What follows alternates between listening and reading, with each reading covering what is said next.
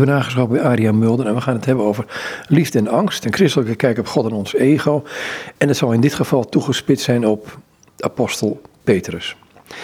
Goed, Arian, um, dat boekje heb je geschreven, Liefde en Angst. En het is wel, het past wel helemaal in deze tijd. Het is wel voor deze tijd geschreven. De coronatijd heb ik het over. Maar het past wel in de tijd van, waarin angst eigenlijk weer naar boven lijkt te komen. Ja, inderdaad, ja. Dit boekje over liefde en angst, dat gaat vooral zeg maar over onze existentiële angst. Dus niet over angst voor ziekte of voor spinnen of voor hoogte. En maar al die, alle soorten angst zijn daar een uiting van. Van dat we als mens na de zondeval weten dat we kwetsbaar zijn. En dat we gekwetst kunnen worden en verwond en kunnen sterven uiteindelijk. En dat betekent dat we een enorme drang hebben gekregen om ons te handhaven. Nou, en die, we zijn eigenlijk gemaakt om lief te hebben. Maar onze eigen liefde zit ons dus vaak in de weg. Nou, dat boek gaat over die strijd tussen die twee en uiteindelijk, want dat wil ik altijd graag als volgeling van Jezus, van hoe kan je in je dagelijks leven die balans een beetje verschuiven van, van eigenliefde naar liefde. Je bent Adrian Mulder en je zegt als volgeling van Jezus. Wat bedoel je daarmee? Uh, ja, daar bedoel ik uh, eigenlijk heel simpel mee dat Jezus in mijn leven ontzettend belangrijk is. Jezus is hoe ik God heb leren kennen. En uh, ik, ben, ik ben tien jaar lang verslaafd geweest. Dat blijf ik graag vertellen. En uiteindelijk kon ik niet verder. riep ik mijn moeder en die bad een eenvoudig gebed voor me. En ik was clean. Dat is dus een enorm wonder. Dus ik weet wat Jezus, uh, wat God door Jezus, hè, wat God nu ook nog kan doen. De andere kant is, dat wil ik ook altijd graag even in evenwicht brengen, is dat ik nu last heb van behoorlijke lichamelijke beperkingen. Ik ben eh, heel niet gezond. Dus ik ken allebei die dingen in mijn leven. De grootheid van God en de moeite van het leven, zeg maar. Nou ja, dan ben ik natuurlijk eh, net als iedereen, want ik denk dat we dat allemaal wel kennen. Maar als je naar Jezus vraagt, dan is dat dus ja, daar, ik noem mij een volgeling van Jezus. Dat zit misschien ook een beetje in je vraag, omdat ik mij niet speciaal aan één kerk verbonden voel. Ik zie dat ook aan de reacties speciaal op dit boek, hè, dat het, uh, mensen er heel enthousiast van worden. En, maar over de hele breedte van de kerk, van gereformeerd tot rooms-katholiek en uh, wat je maar noemt. Hè. Ja, dus in die zin ben ik graag een volgeling van Jezus. We hebben allemaal te dealen met hoe we die liefde van God concreet maken in ons leven. Of je nou baptist bent of rooms-katholiek of je noemt het maar op. Dus ik ben ontzettend dankbaar dat het boek dan ook zo aanslaat bij mensen van allerlei geloofsrichtingen. Je zegt iets heel curieus al, voor we naar uh, echt het leven van Petrus gaan. Je zegt, mijn moeder bad een gebed en ik was clean. Nu ben je ziek. Zou één zo'n gebed ook niet helpen? Uh, nou, heb ik geprobeerd, hè, uiteraard. Uh, er is zelfs wel heel veel voor me gebeden. Maar nee, en God, ja, dat is ook ook in de Bijbel, hè, kijk naar Bethsata of Bet, uh, Bethesda, net hoe je het uitspreekt, hoe je het leest. Daar geneest Jezus één van al die zieken. Hè, dus er is, dat zijn dingen die wij niet kunnen begrijpen. Wat God wel of niet doet. Ik heb daar iets anders over. Dat gebed voor mijn genezing van die verslaving, dat heeft God verhoord, was geweldig. Dat gebed om mijn gezondheid, dat speelt al heel lang, hè, de, tientallen jaren intussen. Dat daar heb ik vaak voor gebeden, of daar is vaak voor gebeden. En ik kom op allerlei plaatsen om te preken en zo. En hebben mensen, vooral jonge, gezonde mensen, hebben dan behoefte om voor die zielige oude man te bidden. Dat is heel lief. Maar dan denk ik soms ook wel eens van, ja, weet je zelf wel hè, waar, hoe dat zit allemaal. Maar als, God, als we het zo vaak vragen en God doet het niet, dat is toch ook een antwoord? Als ik dan maar blijf zeuren, in mijn, mijn termen hoor. Als ik dan blijf zeuren van God, ik wil wel graag heel comfortabel door het leven. Uh, u moet mij wel even genezen. Dan ben ik eigenlijk ongelovig. Dan ben ik ontrouw. Ben ik niet trouw aan God. God zegt eigenlijk door het niet te doen. Nou Arjan, uh, daar moet je mee leven. En uh, dus dat accepteer ik ook. Is dat die geborgenheid en veiligheid die je in God hebt, zelfs in dit gebroken leven, om het zo maar te zeggen? Ja, want het maakt niks uit voor hoeveel ik van God hou. Het is wel natuurlijk, maar dat heb je met alle lastige dingen in het leven. Soms is het gewoon te veel. Weet je wel, dan is het te zwaar en dan heb je slechte. Dan heb je gewoon even een slechte dag of slechte dagen, mentaal dan. En dan, maar ja, dan heb ik wel geleerd, dan ga je in een hoekje zitten tot het over is, zeg maar. Maar er doet niks af aan die relatie met God. En dat, dat maakt het des te bijzonderder, denk ik. Want die relatie, die is er, hè? Die is er. Die is er gewoon. Ja. En als je het nou, want we zouden het over Petrus gaan hebben, en daar zie je ook, dat, dat, dat vind ik werkelijk een geweldig verhaal in die zin van dat, weet je wel, wij, wij zijn onvolmaakt. Nou hebben we het over mijn lichaam wat onvolmaakt is, maar ook mijn karakter is onvolmaakt. Ik doe domme dingen, net zoals wij allemaal. En daar kunnen we onszelf, uh, daar stellen we onszelf teleur, want ja, God is volmaakt en wij willen ook graag een beetje op God lijken. Maar we stellen onszelf teleur. En dan denken we ook dat we God teleurstellen. Nou, en daar zit in het leven van Petrus zit een prachtige boodschap over hoe God daar dan mee omgaat en hoe dat ons dan weer verder helpt. Wil één zijstuitje gaan naar Genesis. Daar staat, laten wij de mens maken naar ons beeld. Uh, ik heb ons horen vertellen, bij Origenes vind je dat, dat het het beeld van Jezus was. En dat dat beeld behoorlijk verstoord is, kapot gemaakt is. En dat bekering betekent weer je richt op het beeld, waardoor het weer gestalte in je kan krijgen. Ja, ja het moet wel zoiets zijn, hè? dat we naar, naar het beeld van God en dat het het beeld van Jezus is. Heel prachtig. Maar wat ik wel heb, en ik weet niet of dat uit dat citaat nou ook zo spreekt, ik heb heel erg dat we het evenwicht moeten zoeken in die strijd die er is. Want we zijn gemaakt om lief te hebben, zoals Jezus, zoals God, zoals de Geest. Maar dat is stuk gegaan. Dus nu zijn we ook heel erg bezig met onszelf lief te hebben. En daar, dat, dat evenwicht wil ik altijd wel graag in, in beeld houden. Dus dat betekent dus ook dat zo'n soort evenwicht helpt je ook, eh, een soort nuchterheid helpt je ook om geen te hoge eisen aan jezelf en aan elkaar te stellen. Want dat is voor mij ook iets wat we als christenen vaak doen, weet je wel, dat we hele hoge eisen stellen, ook aan de ander. En des te lastiger is het dan als, die hoge, als daar niet aan die hoge norm niet wordt voldaan. In dit verhaal van Petrus laat het prachtig zien over die hoge norm die God inderdaad stelt. Maar hoe wij daar dan toch onvolmaakt en onvolledig mee omgaan. Iedereen, maar ik niet, Petrus. Ja, inderdaad, daar begint het mee hè, met de voetwassing. En dan, die voetwassing is eigenlijk ook een soort gelijkenis. Mhm. Dat, dat eh, leg ik ook uit in het boek voor, tenminste hoe ik dat heb, ben gaan zien in de afgelopen tijd. Jezus laat iets zien aan. Het gaat niet over letterlijk voeten wassen en het zweet eraf wassen. Maar uiteindelijk is dat iets wat hij laat zien van hoe ga je om met de zwakte en met de zonde van de ander. En dat demonstreert hij vervolgens in datzelfde verhaal, aan het eind van Johannes Evangelie, door hoe hij omgaat met de zwakte en de zonde van Petrus en met de zonde van Judas. Hij probeert ze allebei weer terug te halen. Nou ja, hij probeert bij hen allebei de voeten te wassen, oftewel ze te bevrijden, ze te helpen bij de. Weet je wel, we zijn rein door, onze, door het woord, hè, zegt de Bijbel. Maar door onze wandel op aarde krijgen we vieze voeten. Dus we, we doen verkeerde dingen. En daar gaat Jezus, Petrus en Judas mee helpen. En Petrus die neemt het aan hè, en, nou, en Judas niet, voor zover we kunnen zien. Ja, die verdwijnt na het avondmaal. Ja, en uiteindelijk pleegt hij zelfmoord. We weten niet wat zich in zijn hoofd heeft afgespeeld. Hij had wel berouw in ieder geval, maar mijn punt hier is dat, dat we dus, we doen allemaal, zijn we onvolmaakt. Mhm. En hoe gaat God daarmee om? Nou, dat zie je in hoe Jezus omgaat met Petrus en met Judas. Met, gewoon met eindeloze liefde. Hoe heb je dat in je boek beschreven? Um, nou, speciaal in dat, dus eerst uh, heb ik dat van, uh, van die voetwassing even goed uitgelegd hoe dat als een gelijkenis gelezen kan worden met hele diepe lessen. En dan zie je in het leven van Petrus, zie je om te beginnen dat op diezelfde avond en vlak na de voetwassing, dan zegt Jezus, jongens, ik ga weg. Nou, zegt Petrus, maar ik ga met u mee hoor. En dan zegt Jezus, nou, maar waar ik heen ga, daar kan je niet komen. Nou, zegt Petrus, ik ga mee, al moet ik ervoor sterven.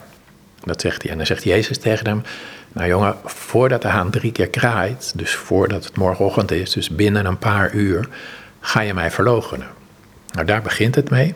Dus toen heeft Jezus net uitgelegd aan zijn leerlingen wat ze nog niet helemaal begrijpen. En dat staat ook in dat gedeelte. Jullie begrijpen het niet, maar dat gaat later komen. Net uitgelegd hoe je met de zwakheid van een ander omgaat. En dan zegt hij hier tegen Petrus: Maar jij gaat straks zwak zijn. Je gaat zondigen, hè, kan je ook zeggen eigenlijk kan je zeggen dat hij profiteert daarmee iets over Petrus. Hè? En daar kunnen wij in horen dat hij Petrus dan al veroordeelt. Hè? Dat hij tegen hem zegt, zo zouden wij misschien reageren van, als we zoiets zouden weten. Ja, je zegt al dat je van me houdt, maar je gaat me straks gewoon laten vallen. Wat ben jij voor een vriend? Weet je wel, zo, zoiets kan erin doorklinken. Maar dat doet Jezus natuurlijk helemaal niet. Dus Jezus profiteert, dan doet hij dat om te helpen. Daar is het voor. Dus wat hij doet is dat hij Petrus nu al, voordat het begint, op het spoor zet van er gaat iets gebeuren, wat gewoon voor jou heel belangrijk is. En ik zal je laten zien hoe dat bij jou werkt en hoe dat voor mij werkt. Petrus had het op dat moment niet door. Hij krijgt het door op het moment dat hij Jezus verloochent en Jezus hem aankijkt. Dat moment. Ja, zo'n aangrijpend moment. Hè, wat Lucas die beschrijft dat het meest beeldend. Dan, dan kraait hij aan drie keer en dan kijkt Jezus Petrus aan. Daar weer, hè, ik zeg het er elke keer maar weer bij, omdat we daar zo gauw toe geneigd zijn. Je zou heel makkelijk kunnen denken dat het een oordelende blik is. Dat Jezus naar hem kijkt, zo van, nou, zie je wel, ik wist het toch, je bent geen echte vriend. Weet je wel, dat soort dingen. Dat zou je erin kunnen lezen. Maar het is natuurlijk niet zo, want dat is zo on-Jezus en on-God. Wat hij doet, en dat zie je ook aan Petrus zijn reactie, is dat hij Petrus met liefde aankijkt. Kan niet anders. En dat Petrus, die begrijpt het dus ook. Want wat er gebeurd is, is dat Petrus, die heeft zo'n soort strijd die we allemaal elke keer weer eigenlijk de hele dag door hebben tussen liefde en eigenliefde. Hij is uit liefde Jezus gevolgd naar de tuin van de. Maar dan zitten ze hem op zijn nek en dan zeggen ze, jij hoort er ook bij hè? En wordt hij bang. Hij wordt gewoon bang, want hij wil ook niet gearresteerd en gemarteld en vermoord worden. Dus strijd tussen liefde en angst. Hij houdt van Jezus, maar hij wil ook overleven. En hij, maakt, hij laat zich leiden door zijn angst. En dat is hoe het gaat. De angst kan zomaar de liefde opzij duwen. En Jezus gaat hem uitleggen dat het ook andersom kan. Dat de liefde ook de angst opzij kan duwen. Dus dat is wat er gebeurd is. En op het moment dat Jezus Petrus aankijkt, beseft Petrus dat dus. Kan niet anders. Of in ieder geval begint daar dat besef van Jezus leert mij om lief te hebben. En het laatste wat ik hem heb laten zien, denkt Petrus, is het tegenovergestelde, dat ik hem heb laten vallen. En het erge is natuurlijk dat hij een paar dagen met dat gevoel moet leven. Want hij, hij vlucht, hij gaat weg en Jezus wordt uh, gemarteld en vermoord. En pas na drie dagen komen die verhalen van hé, hey, uh, Jezus is er weer enzovoort. Dus Petrus moet verschrikkelijk teleurgesteld zijn geweest in zichzelf. En hij moet een paar, paar dagen moet hij daarmee rondlopen. En daar gaat het ook al over ons, denk ik. Want dat is heel herkenbaar, denk ik. Want wij stellen ook onszelf teleur. Wij denken ook dat we God teleurstellen. En dat drukt ons neer. Weet je, dan kan je, eh, dat moet een verschrikking voor hem geweest zijn. Nou, dan in het vervolg van het verhaal ga je zien dat wij zelf wel teleurgesteld zijn. Petrus is in zichzelf teleurgesteld. Maar Jezus is niet teleurgesteld.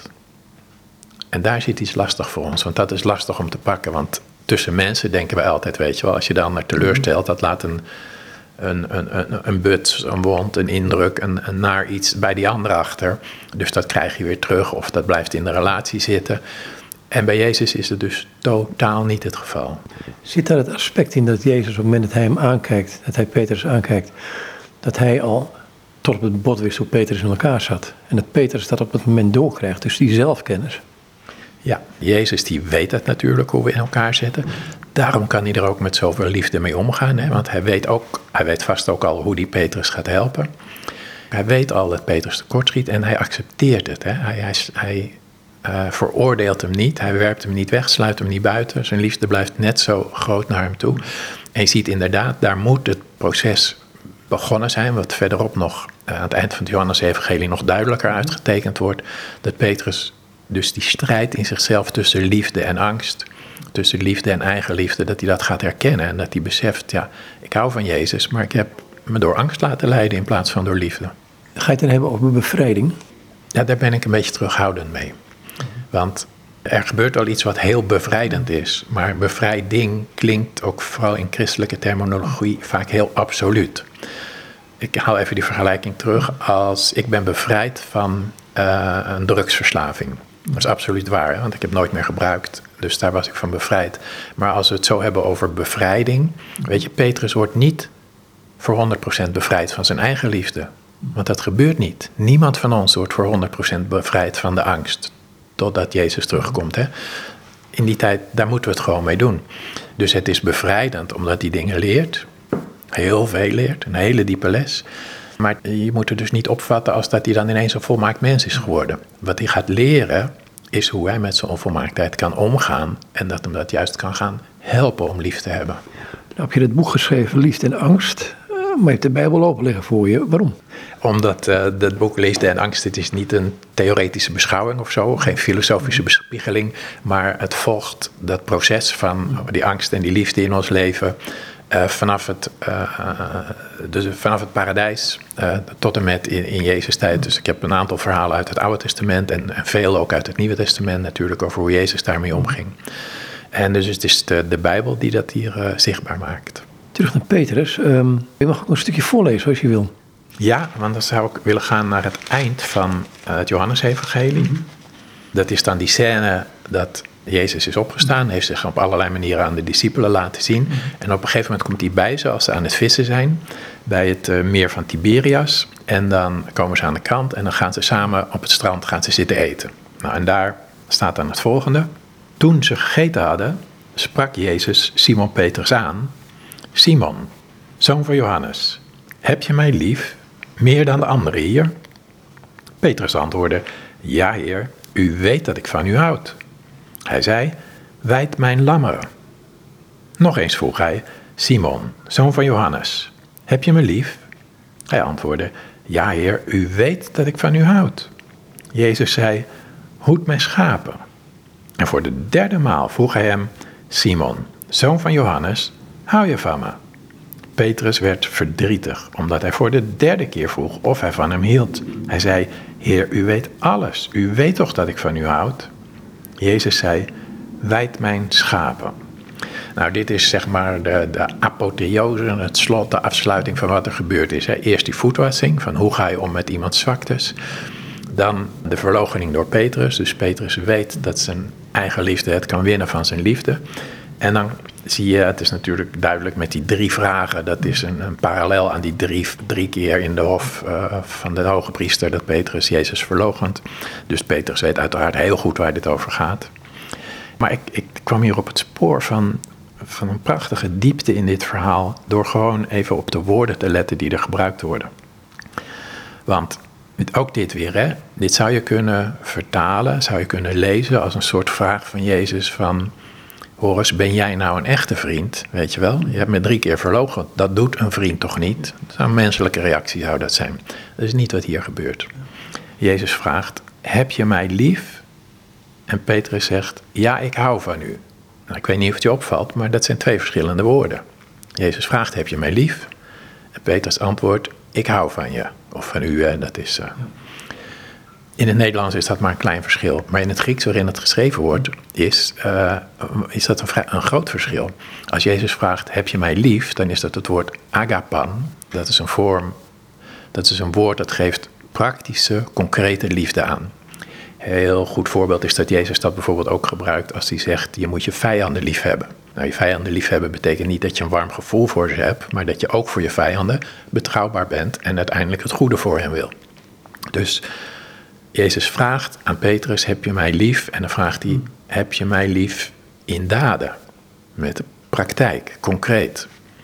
En Petrus die zegt, nee, ik hou van u.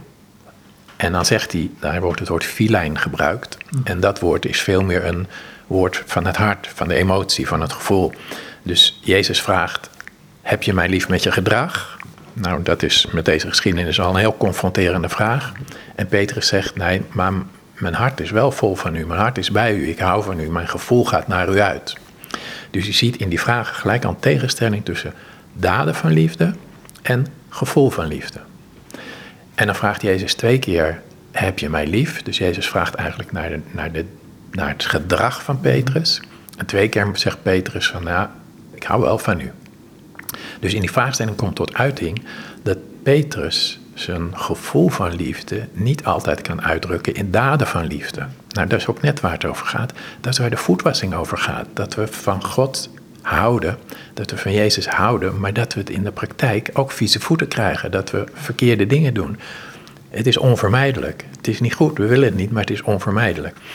En daar zie je dat verschil in die vraagstelling. En dan wordt het voor mij echt heel mooi als je naar de laatste vraag van Jezus toe gaat. Want daar vraagt Jezus, Simon, zoon van Johannes, hou je van me? Dus Jezus vraagt niet meer naar, heb je mij lief? Jezus vraagt niet meer naar zijn gedrag, naar zijn daden van liefde, maar hij vraagt, hij gebruikt ook het woord filijn. Is er liefde voor jou in, voor mij in jouw hart? Dus eerst zet Jezus die hoge norm neer, van dat onze liefde eigenlijk in ons gedrag zichtbaar moet zijn. En maar uiteindelijk laat hij die norm los en dat is natuurlijk om te laten zien hoe het werkt. Hij laat die hoge norm los. Hij zegt, eigenlijk zegt hij daarmee, Petrus, ik weet wel dat je niet 100% met je gedrag je liefde waar kan maken. Maar dat geldt voor ieder mens. En daarom schakelt hij als het ware terug naar, maar hou je van me. is je hart bij mij. Nou, dat vind ik zo geweldig. Dat wij houden, hè, als volgelingen van Jezus, als christenen houden we van Jezus. Maar ons gedrag zal altijd onvolmaakt zijn. Nou, dat, dat geeft een enorme diepte aan het verhaal. En dat zie je dus ook, je ziet dus aan Petrus, hè, die moet dan ook huilen. Dus als ik me dat zo voorstel, dat bij iedere vraag van Jezus beseft Petrus des te meer dat hij tekortschiet. En aan het eind, dan ervaart hij dat het tekortschieten, ja het is misschien lastig voor ons om het zo te zeggen, maar dat het tekortschieten niet erg is. En dat kan je haast niet bedenken, want wij stellen onszelf teleur, maar we stellen Jezus niet teleur, want hij weet dat het zo gaat. Dus wat, wat hier gebeurt is op een prachtige manier dat Jezus Petrus de voeten wast. Petrus is zwak geweest en Jezus helpt hem om te zien hoe dat werkt, om daarmee om te gaan, om dat een plek te geven, maar ook om daar dus naar de toekomst beter mee om te gaan. Want je, het is niet zo dat we hulpeloos zijn in die strijd tussen liefde en angst. We kunnen leren en we kunnen ons ontwikkelen. En dan is, en dat vind ik iedere keer weer als ik daaraan over denk, vind ik dat zo aangrijpend. Is, want daar staat steeds tussendoor, dat zegt Jezus, uh, zorg voor mijn uh, lammetjes, uh, zorg voor mijn schapen en hoed mijn schapen. Je ziet dat daar een, een, dat dat een opklimmende reeks is, als het ware. Eerst mag je voor de lammetjes zorgen. Ja, en dan hoed mijn schapen, dan wijd mijn schapen. En hoed mijn schapen is dus pas op de schapen, dus dan zijn ze nog in de stal, denk ik, nog binnen. Maar wijd mijn schapen betekent dat je met ze naar buiten gaat, waar de wolven en de beren zijn. Dus dat is het echte werk, zou ik maar zeggen. Dus nou, ten eerste moeten we even opletten dat Jezus Petrus hier dus niet aanstelt als een soort baas of zo, maar hij geeft hem zorg. Hè? Zorg voor de schapen. Hij is niet de baas van de schapen, maar hij moet ervoor zorgen. Nou, door die opklimmende reeks zie je, Petrus die beseft steeds beter dat zijn liefde onvolkomen is. En hoe beter die beseft dat zijn liefde onvolmaakt is, hoe meer ruimte Jezus bij hem ziet om lief te hebben. En dat klinkt paradoxaal, hè? Maar, maar zo werkt het dus. Zo is het voor Jezus. Want hoe beter wij, hè, ik haal het maar naar onszelf. We zijn allemaal Petrus, allemaal leerlingen van Jezus. Die schoon zijn door het woord, maar wel vieze voeten krijgen onderweg op aarde. Wij allemaal, naarmate we beter beseffen dat onze eigen liefde er is, des te beter kunnen we lief hebben. Dat is gek, hè? Dat klinkt tegenstrijdig, het klinkt paradoxaal, maar dat is wat hier gebeurt in dit gesprek. Hoe beter Petrus snapt dat hij tekort schiet, tekort kan schieten, des te meer ruimte Jezus bij hem ziet om lief te hebben en hoe meer verantwoordelijkheid hij hem geeft. Dus Jezus stuurt zijn leerlingen heel bewust op pad, terwijl hij weet dat ze onvolmaakt zijn en terwijl hij weet dat ze in de fout gaan. En het enige wat hier uiteindelijk Petrus leert, hè, dat is niet het soort moralistische dingen die wij graag tegen elkaar zeggen. Van ben je dan een echte vriend en dat moet wel beter volgende keer. Dat doet hij allemaal niet. Hij laat zien hoe het werkt. En dan kan Petrus ermee verder. Curieus heb ik altijd gevonden. Hij krijgt deze opdracht en je denkt van oké, hij heeft het wel een beetje door. Twee dingen mag je op commentariëren. Op een gegeven moment gaat hij bij met Paulus de fout in. Dat hij dus bij de Joden wil eten terwijl hij hij zat bij de heiden in het eten. Toen kwam Paulus met een aantal joden. Toen dacht hij, hé, hey, uh, ga toch bij de andere kant maar zitten. Dus het oude mannetje zat er nog. Het andere punt is, en het gebeurde meteen hierna, is um, dat Jezus tegen Johannes zegt, volg mij. En dan kijkt Petrus en dan komt er toch iets van jaloezie, jaloezie lijkt het wel erin, in, in, in vragen. Misschien moeten we eerst even lezen. Petrus blijft gewoon Petrus. Ja. En dat vind ik het mooie. Hè? Jij blijft jij, ik blijf mij. Ik heb uh, aardig wat uh, zwakke plekken in mijn uh, persoonlijkheid. En daar werk ik aan. Daar probeer ik morgen weer beter mee om te gaan. En dat is wat Petrus doet. En dit, die nuchterheid van Jezus, hè? Dat die, die, de norm blijft hoog. Maar de werkelijkheid is, daar is Jezus volkomen nuchter over. Dus Petrus gaat later ook nog een keer in de fout. En jij en ik ook. En iedereen die dit hoort ook dan reageren mensen wel eens van, als je dat soort dingen zegt, van ja, mag dan alles? Dat is natuurlijk helemaal de vraag niet. Dat is ook een vraag die uit angst voortkomt. Nee, we willen, we willen lief hebben, maar Jezus is volkomen duidelijk dat, dat we daar onvolmaakt in zijn. Dat geldt voor Petrus ook. Dus je ziet later ook, maar je ziet wel veranderingen. Hè? En in ieder geval, als Jezus zoveel vertrouwen geeft, dan uh, moet Petrus daar al genoeg van geleerd hebben om in ieder geval beter met zijn zwakheden om te gaan. Nou, dat is het proces. Maar hij blijft Petrus en hij blijft misschien een beetje jaloers, een beetje opvliegend. En... Dus ik gewoon eens lezen wat hier staat daarna. dan uh, zegt Jezus dus waarachtig, ik verzeker je, toen je jong was, deed je zelf je gordel om en ging je waarheen je wilde. Maar wanneer je oud wordt, zal een ander je handen grijpen, je gordel omdoen en je brengen waar je niet naartoe wilt. Met deze woorden duidde hij aan hoe Petrus zou sterven tot eer van God. Daarna zei hij: Volg mij even voor, hè, als je dat leest, hier profiteert Jezus weer. Hè? En het is dus weer, dat is altijd wat Jezus doet, het is om te helpen. Dus Petrus, die weet al, die mag al iets weten van wat hem zal overkomen, zodat hij er straks beter mee omgaat. Want ook straks, als hij gevangen genomen zal worden, zal zijn angst en zijn eigenliefde en zijn zelfbehoud weer toeslaan. Die wil altijd. En deze woorden van Jezus, die kunnen hem daar dan weer mee helpen. Oh ja, Jezus heeft me ervoor gewaarschuwd. Wacht even. Want zoals de angst de liefde opzij kan duwen, zo kan de liefde ook de angst opzij duwen. Hè, wat Johannes ook in een van zijn brieven schrijft. En daarna staat er, en toen Petrus zich omdraaide, zag hij dat de leerling van wie Jezus hield hem volgde. Dat is Johannes dus, hè? de leerling die zich tijdens de maaltijd naar Jezus toegebogen had om te vragen wie het was die hem zou verraden. Toen Petrus hem zag, vroeg hij Jezus, en wat gebeurt er met hem, Heer? Maar Jezus antwoordde, het is niet jouw zaak of hij in leven blijft totdat ik kom, maar jij moet mij volgen. Ik vind het een schitterend stuk. Ik ben er ooit een keer op mijn, op mijn vingers getikt op dezelfde vers. Heb je kritiek op andere christenen? Dat was natuurlijk heel fijn hè, om een beetje hè, beschouwend naar anderen te kijken. En toen kreeg ik dit vers voor me kiezen. dacht ik, nou, daar kun je het mee doen. Ja, het is wel mooi, want Petrus die houdt het natuurlijk. En hij dan. Maar dat betekent nog niet dat hij, dat hij daarmee zondigt, zeg maar. Want dat is ook zijn persoonlijkheid, hè. En, eh, maar het, is mooi wat je zegt. Het is, weet je, het is iedere keer weer. Hij heeft ook een oordeel. Mhm. Hij is geneigd een oordeel te hebben over Johannes. En over hem dan. En dat is wat we allemaal hebben. Wat je net zei, je hebt soms wel eens, uh, vooral christen, als je christen bent, dan sta je ergens voor. En als je dus iets verkeerd doet, kan je erop aangesproken worden. Of opgepakt worden, om het in andere termen te zeggen. En uh, want dat oordeel van ons, dat is er altijd natuurlijk. Hè. Dat zit ook in dit verhaal, telkens weer. Maar volgens mij wat Jezus daarmee elke keer probeert te laten zien, is dat oordeel, dat moet niet bepalend zijn voor je handelen.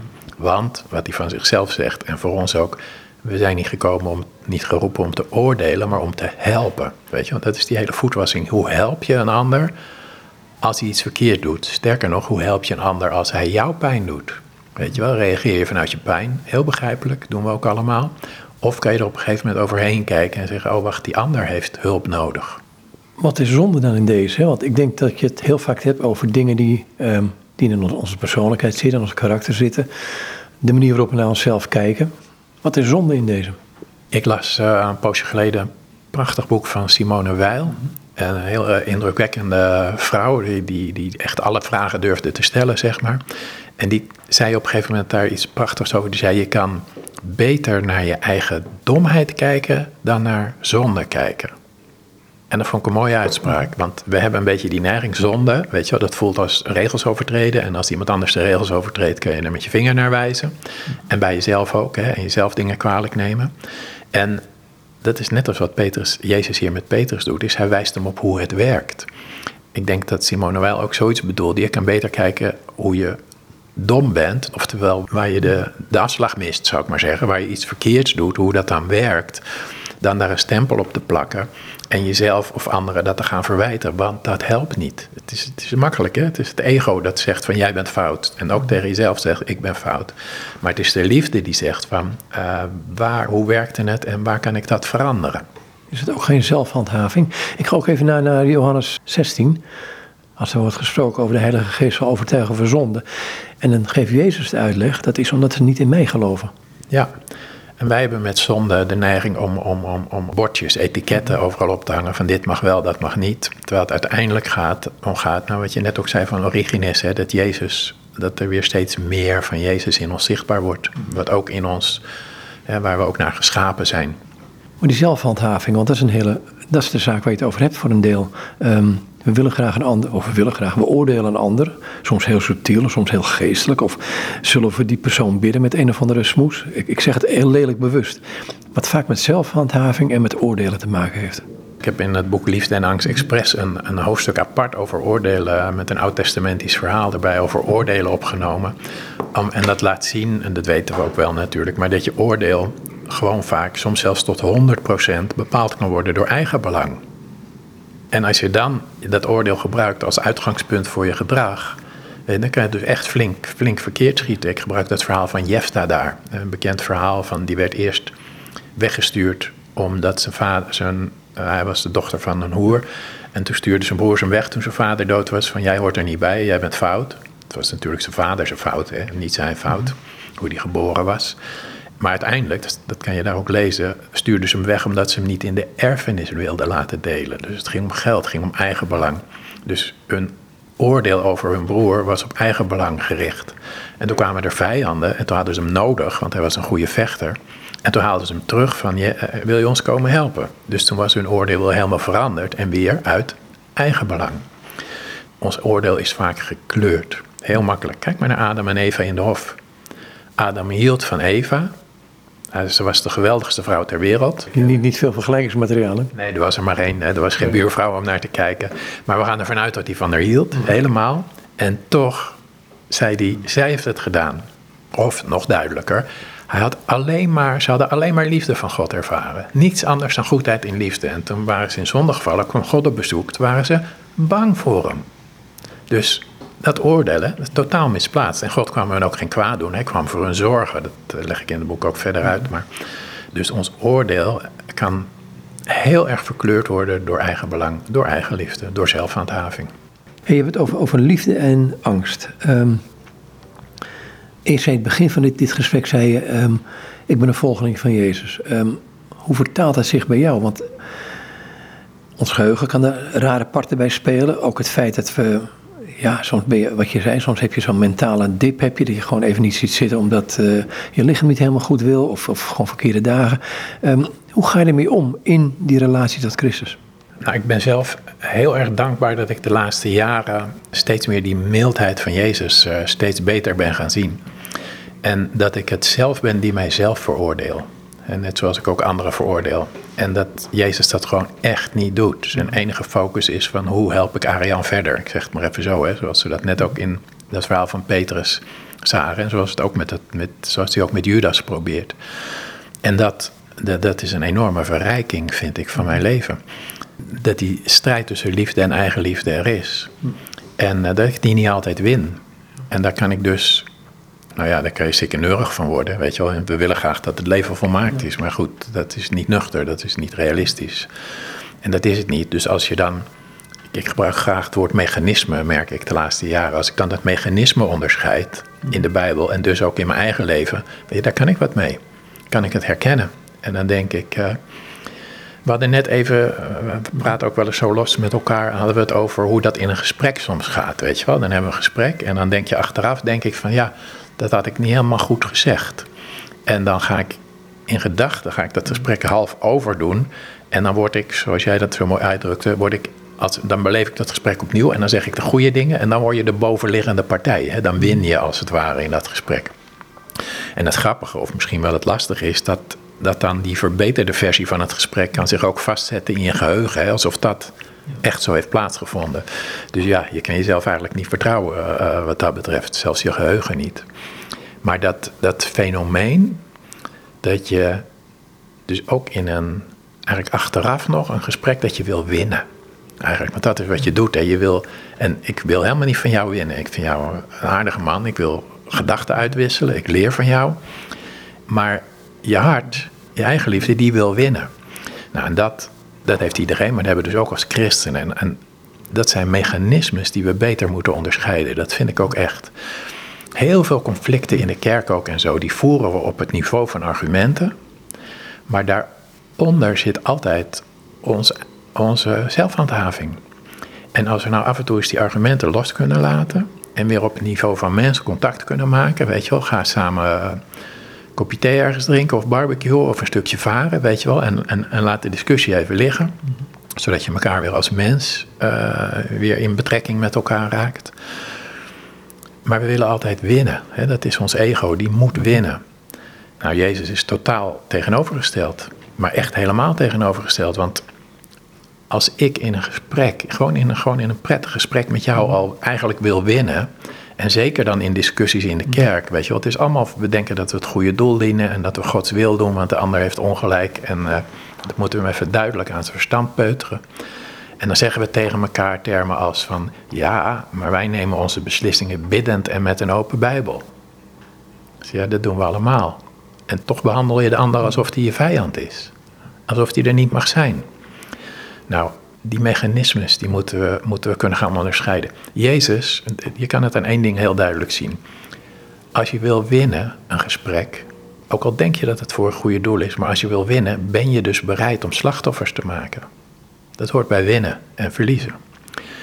En dat is nou juist wat Jezus helemaal niet doet. Die wordt liever zelf een slachtoffer dan dat hij de ander tot slachtoffer maakt. Kijk naar Judas. Hij maakt Judas niet tot slachtoffer. Hij wist dat hij hem zou uh, ging verraden. Hij had tegen die anderen kunnen zeggen: jongens, pak Judas even aan, sluit hem op, uh, jaag hem weg, sla hem in elkaar. Ik zeg even expres wat raars. Hè?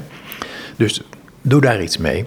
Maar wat, het enige wat hij doet, is dat hij Judas, uh, door hem een stukje brood te geven, door hem uit dat is een uitnodiging tot vriendschap. Dus hij laat hem op alle manieren merken van. En door hem weg te sturen, nog meer hè. Want zijn leerlingen weten dat iemand hem gaat verraden. Die weten dat Judas hem gaat verraden. Dus wat gaan die leerlingen met Judas doen? Dus door Judas weg te sturen, beschermt Jezus hem eigenlijk nog. Dus Jezus beschermt Judas door hem weg te sturen. Want anders springen de andere leerlingen misschien op zijn nek. En hij stuurt hem weg om hemzelf te verraden. Dus Jezus wordt liever zelf een slachtoffer dan dat hij Judas een slachtoffer maakt. Nou, dat, dat is zo diametraal aan de, de drang van ons ego. En zo, maar dat is het evangelie. Maar goed, dan komen we twee gedachten naar voren toe. Eén, als, als Jezus zegt, wie zijn leven zal verliezen, zal het houden. En ja, zelfhandhaving, dat is natuurlijk het adagium van deze maatschappij. Nou ja, niet alleen van deze maatschappij, hè, van de mens sinds de zondeval. En uh, ja, die van je leven verliezen en het houden, dat is ook, weet je, uh, Jezus wordt ook voorgesteld, of dat zegt hij zelf geloof ik ook, als een graankorrel die sterft. Mm -hmm. Weet je wel, dat is dus ook, hij wordt liever zelf slachtoffer, hij sterft. En waarom? Omdat er dan weer leven uit de grond kan opgroeien. Dat ook, hè, je leven verliezen. En als wij ons leven verliezen, en dat is niet altijd letterlijk, hè, want wij worden niet allemaal vervolgd om ons geloof of zo, of andere ingewikkelde situaties. Maar alleen al dat je van je eigen oordeel af durft te zien, dat, je, dat, je da, dat is dan een stukje sterven aan jezelf. En op het moment dat jij dat doet, hè, als jij je oordeel over die ander loslaat, dan geef je de ander meer ruimte om te leven. Dus jouw sterven is leven voor de ander. Net zoals Jezus die graankorrel in de aarde, zijn sterven, leven voor anderen. Ben je er nog iemand? Uh, ja, absoluut. En dat zie je bij Petrus ook. Je bent gewoon jezelf met je eigen karakter en je eigen persoonlijkheid en alles. Maar we mogen steeds meer dit soort dingen leren. Dat we zien hoe dat werkt en dat het ons helpt bij het maken van die keuzes. Je hebt het in het boekje ook over het ego in de kerk. En er is een kerkgenootschapstijd, heb je erin geschreven, waarin staat in de statuten: In onze kerk is geen plaats voor het ego. En waar is die kerk? Dan ga ik er gauw naartoe. Of liever niet eigenlijk. Nou, in dit geval is het een beetje een naar verhaal, want deze specifieke kerk is uh, grotendeels ingestort. Uh, dus dat is helemaal geen prettig uh, verhaal. Maar inderdaad, daar, daar, dat is, het is mooi dat je dat zo aanhaalt, want dat is, dat is zo goed bedoeld. Hè? Dat, betekent, dat betekent gewoon, we, willen, we houden van Jezus, we willen Jezus volgen. Maar het verhaal van Petrus waar we het net over hadden, daar zie je dat Petrus een ego heeft, een zelfhandhaving heeft. En dat Jezus daar plek voor laat. Want je kan het ego niet. Het is geen jas die je. Als je naar de kerk gaat, kan je je jas aan de kapstok hangen. Maar je kan niet je ego ernaast hangen. Die gaat gewoon mee naar binnen. Dus je moet dat niet ontkennen. Je moet niet net doen alsof dat er niet is. En ik snap heus wel dat die mensen dat heel goed bedoelden. Maar je moet elkaar juist leren hoe je daarmee omgaat. Met het ego van je, ook in de kerk. Maar goed, hoe ga je ermee om? Want dat zeg je zo makkelijk. Hè? Dus het is allemaal prachtig wat je nu zegt. Alleen in de praktijk um, is het weer barstiger. Nou, ik kan je wel verklappen, ik ben heel goed in de theorie. Ja, daar was ik al bang voor. Ja, maar de praktijk van het christendom is anders. Maar het begint altijd met een stukje theorie. Hè, van onderwijs. Begrijpen hoe de dingen werken. En dan ja, stap voor stap leren. Ik denk dat je met elkaar, ik heb dat wel eens uh, gedacht, je kan best, je kan het ego niet ausraderen. Het kan niet weg. Liefde en eigenliefde blijven bestaan. Maar als we dat beseffen, kan je wel een soort, denk ik dan wel eens, een soort ideaal van mij een soort metataal uh, ontwikkelen. Weet je, net zoals je in een gesprek tegen elkaar kan zeggen: jongens, time out. Als je voelt dat de emoties te hoog oplopen, wat dan ook.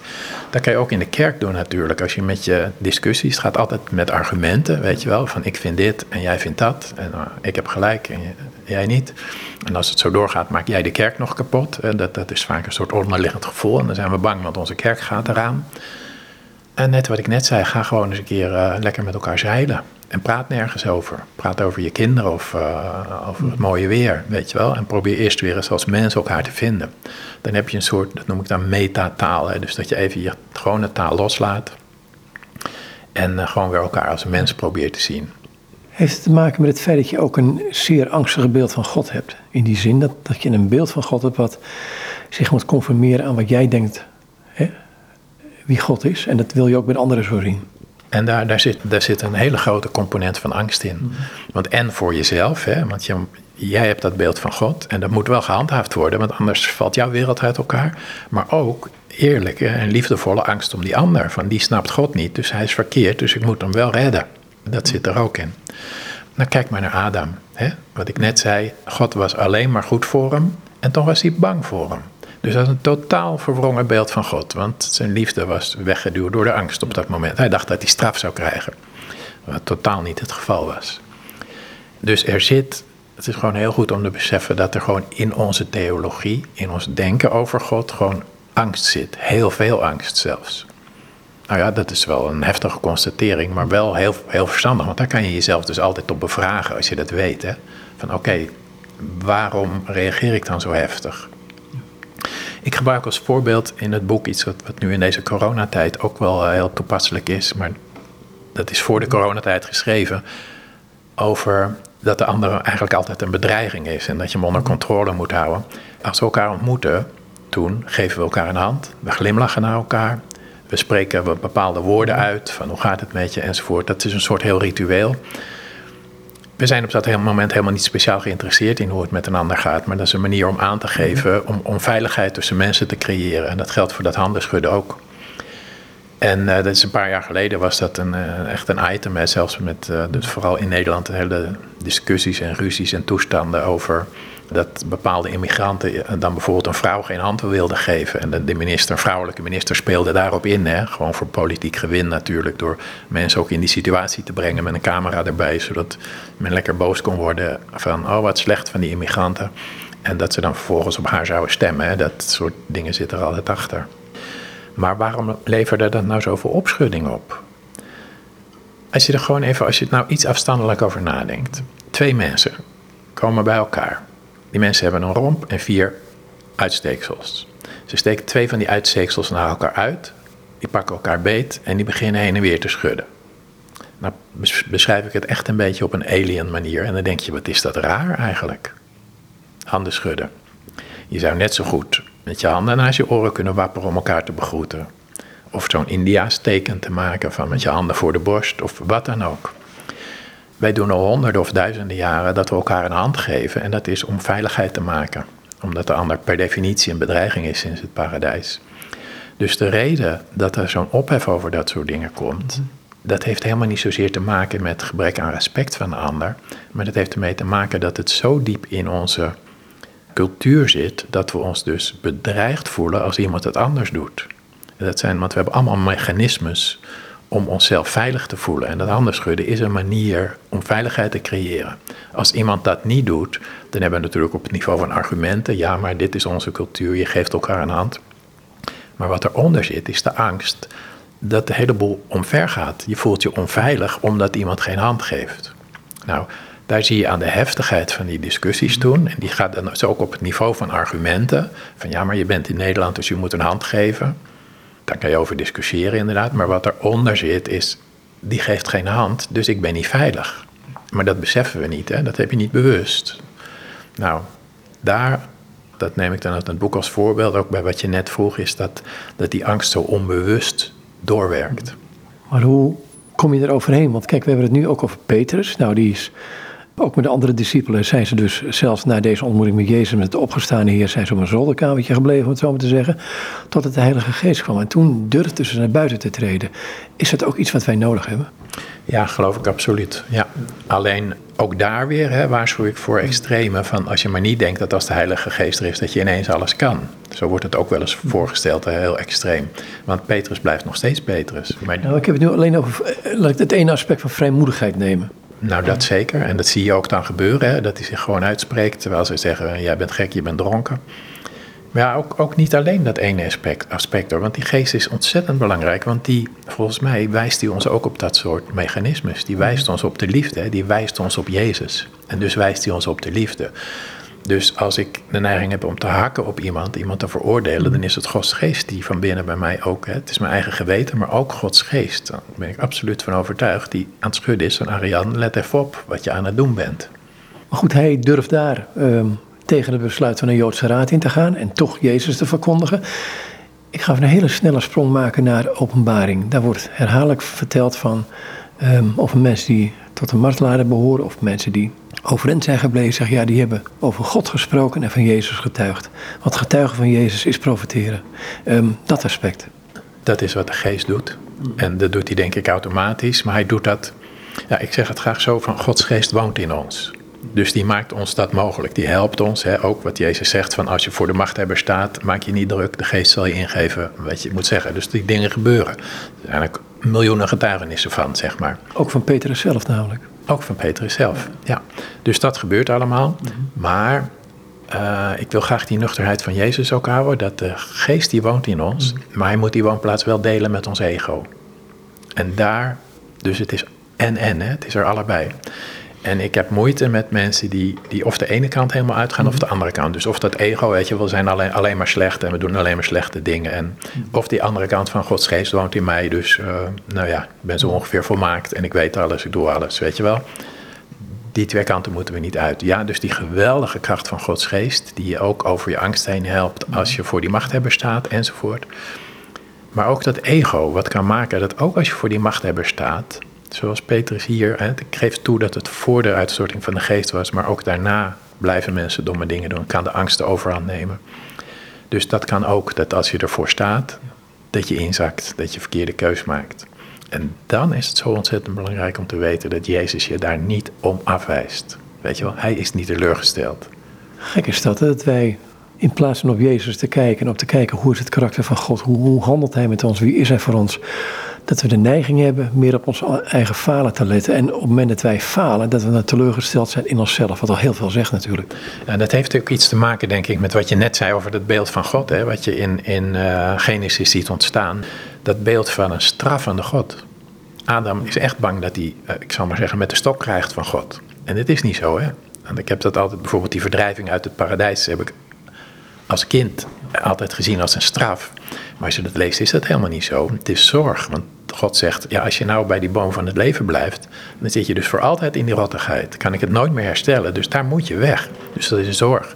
Bovendien zegt hij, dan heb je hier een plek en dan kan je de aarde bewerken. Gaat wel moeite kosten, dat is nu de situatie. Dus hij geeft hem, hij beschermt hem voor eeuwige narigheid. En hij geeft hem middelen om een ander bestaan op te bouwen. Dus alleen maar zorg. Ja, wat voor beeld heb je van God? Als iemand die achter je aanloopt om je te controleren en lijstjes bijhoudt van wat je goed en fout hebt gedaan. Of een beeld van een vader die je uit alle macht probeert na te doen, omdat je gek op hem bent en omdat je hem geweldig vindt, terwijl je weet dat dat niet altijd lukt. Want je kan je vader niet altijd nadoen. Hè? Het boek heet Liefde en Angst. Um, een andere gedachte, en daar wil ik eigenlijk min of meer bij besluiten, maar um, als je het over liefde hebt en je hebt het over God, en over God is liefde, dan denk ik, ja, dan, dan heeft hij ons uitgenodigd om in een liefdesrelatie te komen. Hoe onderhoud je die? Want je kunt het helemaal verpsychologiseren, maar je kunt op een gegeven moment kun je ook. Eh, ik denk ook je relatie met je vrouw niet verpsychologiseren. Maar goed, die is daar. En eh, wat is liefde in deze? Want die liefdesband, die laten we nogal vaak uit het. Die kunnen we makkelijk uit het oog verliezen. Voor, voor mij is het heel belangrijk het besef dat die band van liefde, ik hou van God. Mhm. En dat kan ik ook ervaren, dat kan ik voelen. Maar net als in het verhaal van Petrus, het is niet alleen maar dat gevoel. Hè? Het gaat erom, je probeert er iets mee te doen. Maar wat mij er heel erg mee helpt, is dat eh, als God het over liefde heeft, als Jezus het over liefde heeft, gaat het eigenlijk niet over je gevoel. Dan dan gaat het over je keuzes, over hoe je wil leven. En als je vraagt hoe hou je bijvoorbeeld ook met je vrouw die band in stand, en dus net als met God, dat is door elke keer weer proberen de keuzes te maken die voor haar en ook voor onze relatie goed zijn. En je moet niet jezelf uit het oog verliezen. Je, moet, je mag gewoon elkaar samen in de weegschaal leggen, zou ik maar zeggen. En dus dat is veel meer. Dus dat betekent dat het voor mij, als het gaat om, je relatie met je partner, is het belangrijk voor mij dat ik keuzes maak die, ja, die ik zelf niet, eh, soms wel en soms niet uh, prettig vind, maar waarvan ik weet dat ze goed voor haar zijn. En het omgekeerde doet zij dat voor mij. En dat versterkt volgens mij heel erg die band. En als je dat vergelijkt met, die, met de relatie met God.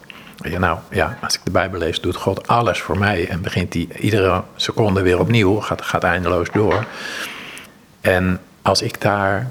Weet je wat, dat geldt voor je vrouw ook. Je moet dat aspect van beloning er eigenlijk uithalen. Dat zit ook heel diep in ons. Hè. Dat heeft ook met die angst te maken. Is dat wij. Ja, dat God ons beloont als we goed zijn. Dat is helemaal niet waar. God is altijd goed voor ons. Kijk, kijk maar naar Adam en Eva. Dus hij beloont ons niet. En die, die neiging hebben we altijd een beetje. Zo'n, alsof je een soort onderhandeling met God hebt. Ik ben goed. En, eh, maar dat doe je met je vrouw ook niet, weet je. Je bouwt eraan door... Nou, daarin mag je juist jezelf zijn, wou ik maar zeggen. Durven wij die relatie op die manier wel met God aan? Die liefdesrelatie? Nee, ik denk dat we dat vaak niet durven. Want, want uh, nou ja, je weet, heel veel van ons gedrag is onbewust. Onze, uh, misschien wel 98 procent. Dat, dat doet onze hersens allemaal automatisch met wat we geleerd hebben. En uh, zo geldt het natuurlijk ook voor, voor alles wat we doen. Dat geldt ook in onze relatie met God. En daarom ook, dat weet God natuurlijk, daarom is hij daar zo liefdevol mee. Net als met Petrus en met ons. dat hij ons daar niet op afrekent.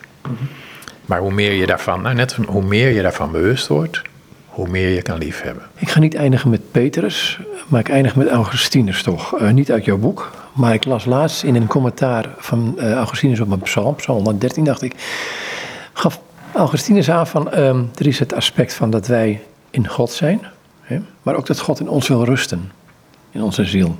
Is God er gewoon niet per definitie, altijd, helemaal en in alle mensen, want hij heeft ze allemaal gemaakt. Dus hè, zijn adem is in ons. Hè dat we leven, dat is een complete gift van God. Hè? Hij blies ons de adem in. Dus ieder mens leeft omdat God in hem werkzaam is. Want hè, Jezus houdt alles in stand. Het, het, grote verschil is dat wij ons als, dat als christenen meer bewust mogen zijn. Weet je, omdat ons dat uitgelegd wordt, dat we die mechanismen mogen zien. En ja, God, God is in ons. Ja.